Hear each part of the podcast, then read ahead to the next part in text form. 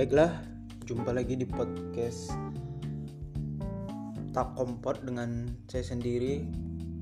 Kali ini saya akan membahas yaitu pertemuan pertama. Bagaimana sih kita memandang itu sebagai pertemuan pertama? Saya akan berbagi sedikit opini saya pribadi. Bagaimana teman-teman sekalian dapat membuktikan kepada diri Anda Anda atau teman-teman bahwa teman-teman benar-benar mampu mempengaruhi orang-orang asing yang tak Anda kenal.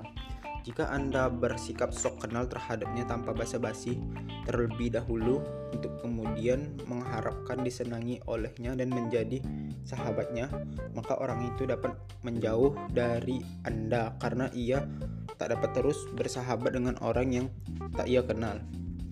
Ia bisa pula memahami usaha Anda itu sebagai suatu tindakan yang iseng belaka.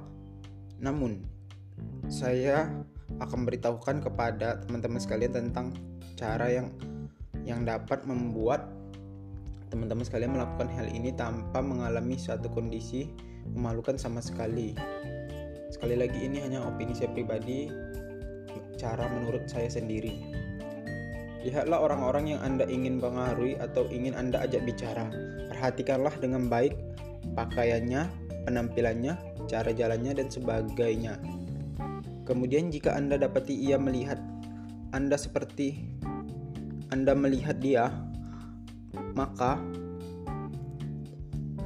anggaplah hal itu sebagai permulaan yang seharusnya bagi dialog ini Kemudian tersenyumlah dan jika Anda didapati respon terhadap senyum Anda, maka anggaplah hal itu sebagai ajakan untuk berbicara. Namun, jika Anda dapati orang tersebut tak menghiraukan Anda, maka ketahuilah bahwa ia tak siap untuk berteman atau melakukan pembicaraan. Meskipun pada saat ini sekalipun dan Anda tak tak perlu berpetualang lebih dari itu. Sedangkan jika Anda dapati dia balas tersenyum kepada Anda, maka mulailah mengucapkan salam perkenalan kepadanya dengan salam yang sesuai dengan waktu pertemuan.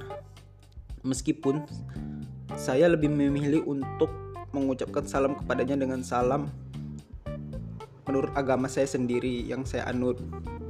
Karena itu adalah ucapan salam yang mengandung penghormatan, kewibawaan dan doa yang baik agar dapat agar mendapatkan rahmat dan berkah. Demikian juga salam itu cocok bagi semua waktu tanpa pengecualian. Anda bisa pula memulai pembicaraan Anda mengungkapkan kekaguman Anda atau basa-basi terhadap penampilan orang tersebut atau cara jalannya atau kedisiplinannya dalam masalah janji. Jika Anda bertemu dengannya dalam waktu tertentu pada setiap hari, misalnya yakinlah bahwa kunci keberhasilan bagi setiap pembicara terdapat dalam upaya mencari perhatian pihak lain dan memberi pengaruh positif terhadapnya.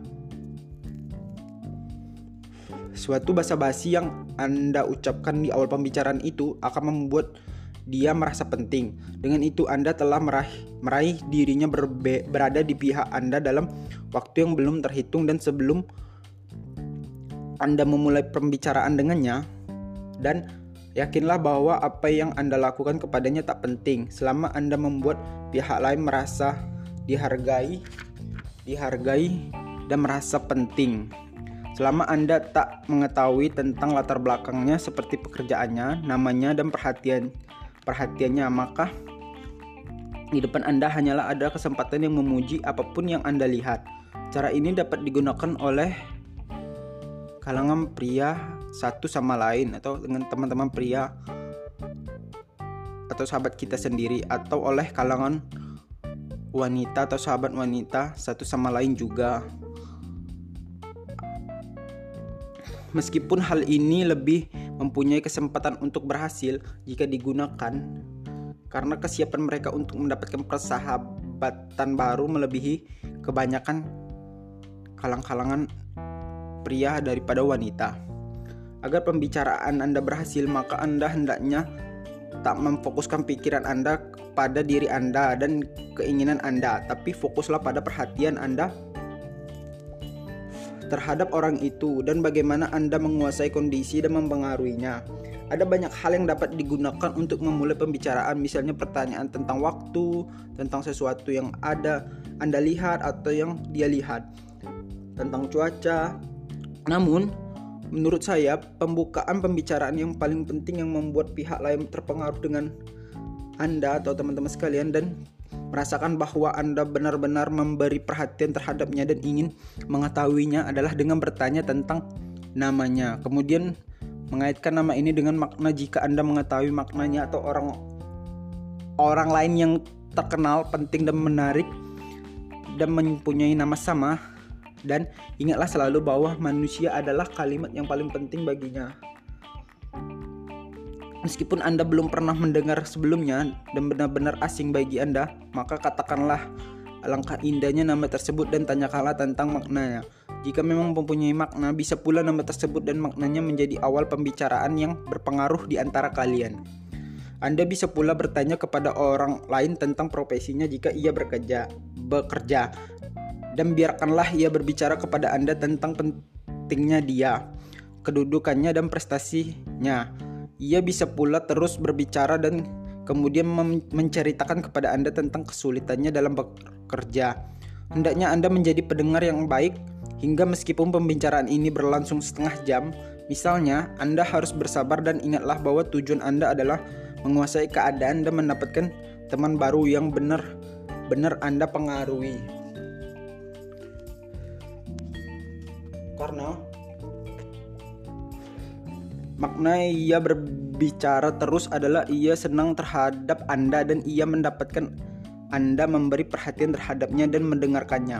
Karena itu jangan potong pembicaraannya. Hal itulah yang mem yang memengaruhi dirinya dan membuat dirinya berbicara dan menceritakan apa yang ada dalam dirinya berupa kesulitan dan berbagai problem.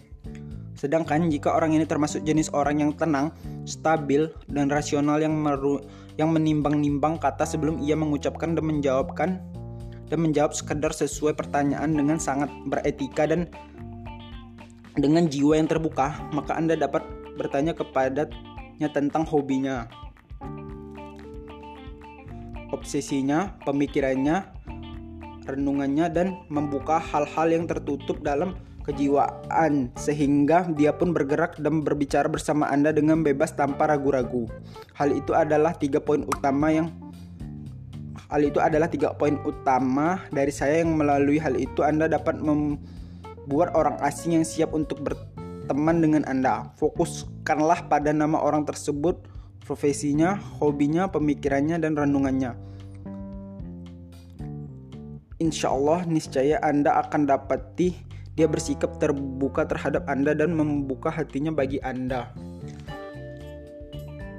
Mungkin itu hanya opini pribadi saya dan menurut pendapat saya, teman-teman sekalian boleh untuk mengikutinya ataupun tidak. Mungkin itu saja yang dapat saya bahas kali ini. Jumpa lagi di podcast Tak Kompot selanjutnya. Bye.